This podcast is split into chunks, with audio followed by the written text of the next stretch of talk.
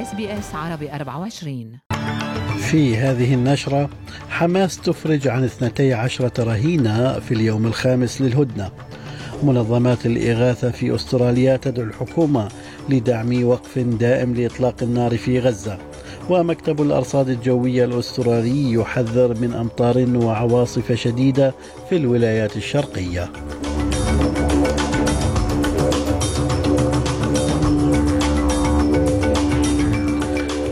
الفهد يحييكم وعليكم التفاصيل.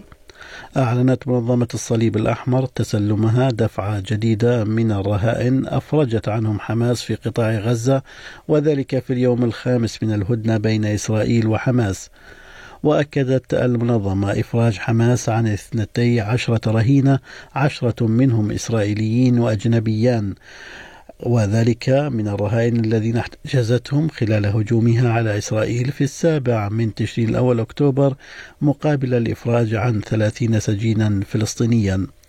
ولا تزال الحركة تحتجز حوالي 150 من أصل 240 شخصا. وتقول إسرائيل إنها ستوافق على يوم إضافي لوقف إطلاق النار مقابل كل عشرة رهائن إضافيين يتم إطلاق سراحهم يأتي ذلك في الوقت الذي التقى فيه رئيس الوزراء أنطوني ألبانيزي مع عائلات وأصدقاء الرهائن الإسرائيليين في كامبرا وقال إن زيارتهم مهمة للشعب الأسترالي I'm sorry uh, about the circumstances for your visit uh, here to Australia, uh, but you are very, very welcome here. And I think your raising of uh, the these issues will once again make sure that it is front of mind for the Australian people, uh, the ongoing suffering and trauma uh, which is uh, occurring. يأتي الاجتماع في أعقاب دعوات من منظمات الإغاثة في أستراليا للحكومة لدعم وقف دائم لإطلاق النار بدلا من الهدنة المؤقتة الممتدة التي تفاوضت عليها قطر ومصر وتقول لون مورغان الرئيسة التنفيذية لمنظمة أوكسام إن هذا هو الحل And the reason we are is because the scale of rebuilding required just for humanitarian systems will need that. من جانبه قال مراسل SBS عربي 24 في القاهرة محمد الشاذلي وتؤكد إسرائيل أنها ستعود إلى ضرب غزة بعد نفاد الأسرى في حوزة حماس ويبدو إن جهود الوسطاء تتواصل وفي الدوحة تجري اجتماعات مهمة الآن بمشاركة مدراء مخابرات مصر وقطر وإسرائيل والولايات المتحدة الأمريكية.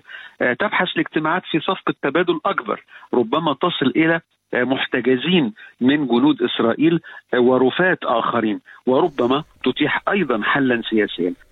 في أخبارنا العامة تخضع أجزاء من نيو ساوث ويلز وكوينزلاند وفيكتوريا للمراقبة خوفا من الفيضانات مع تحرك العواصف الشديدة والأمطار الغزيرة شرقا بعد أن ضربت جنوب أستراليا وقال جوناثان هاو وهو كبير الخبراء في مكتب الأرصاد الجوية إن الخبراء يتوقعون هطول أمطار وعواصف واسعة النطاق من جنوب كوينزلاند إلى جنوب فيكتوريا في الأيام المقبلة ولا يزال السكان في جنوب أستراليا يقومون بأعمال التنظيف بعد أن تركت العاصفة آلاف المنازل بدون كهرباء وغمرت الشوارع.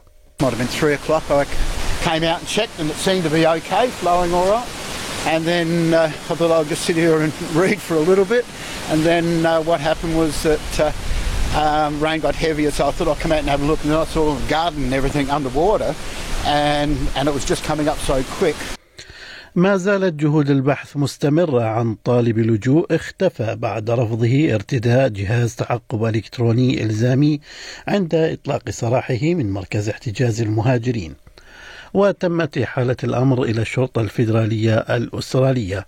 هذا وقال وزير الهجرة أندرو جايلز إن السلطات تبذل قصارى جهدها لتعقب الرجل.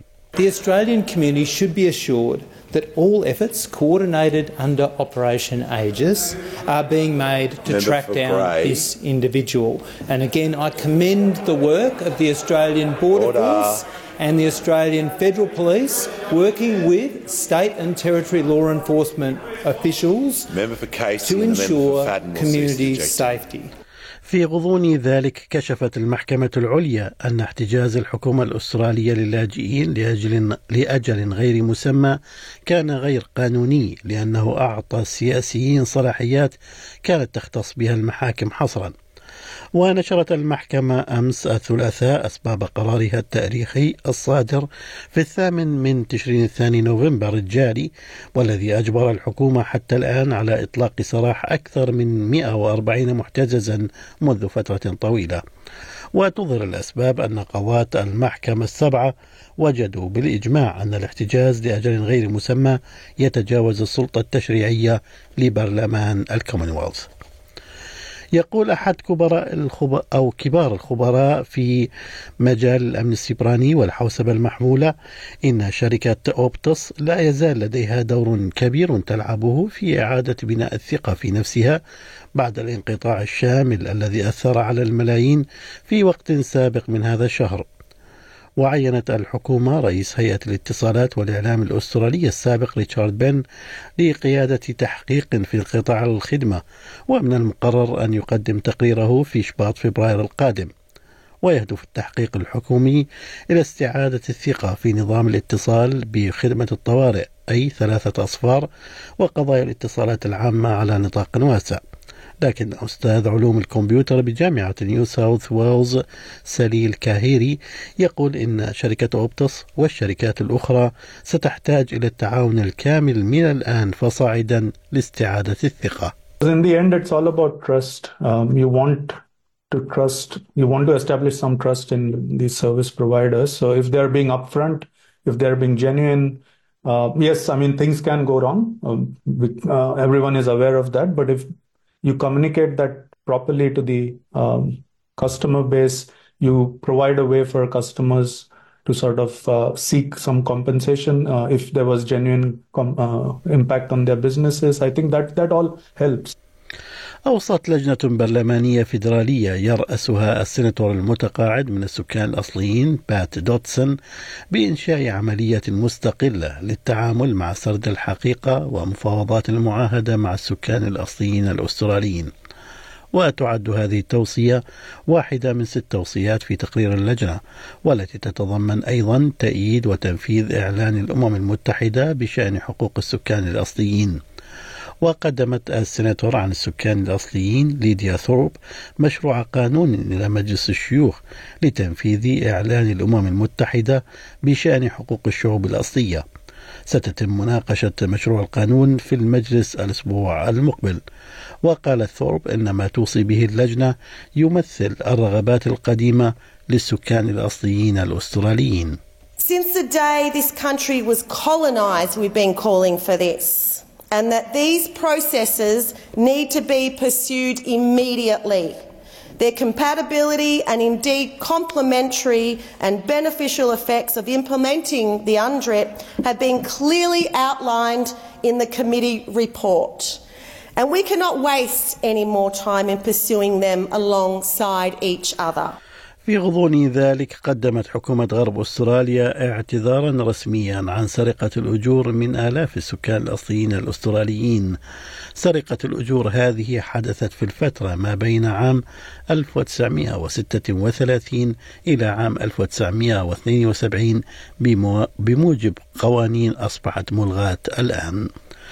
في الرياضة لن يتم نقل مباراة النهائي الكبير Grand Final لدوري الفوتي للسيدات إلى ملعب مارفل في ملبن على الرغم من بيع تذاكر المباراة النهائية بين شمال ملبن وبريسبن لايونز بسرعة. وأكد الاتحاد أن تذاكر المباراة الحاسمة في الدوري الأسترالي لفوتي السيدات قد تم بيعها في أقل من ثلاث ساعات بعد طرحها. رغم أن المباراة ستجري على أرض ملعب آيكون بارك الذي يتسع لثلاثة عشر ألف متفرج. في أسعار العملات بلغ سعر صرف الدولار الأسترالي 66 سنتا أمريكيا.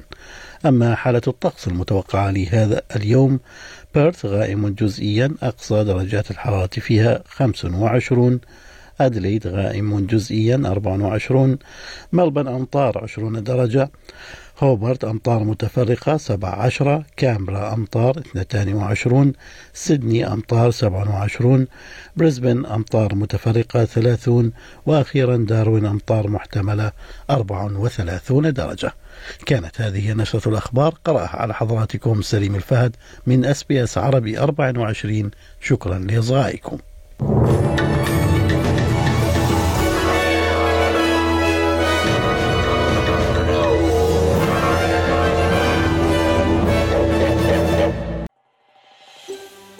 تريدون الاستماع إلى المزيد من هذه القصص؟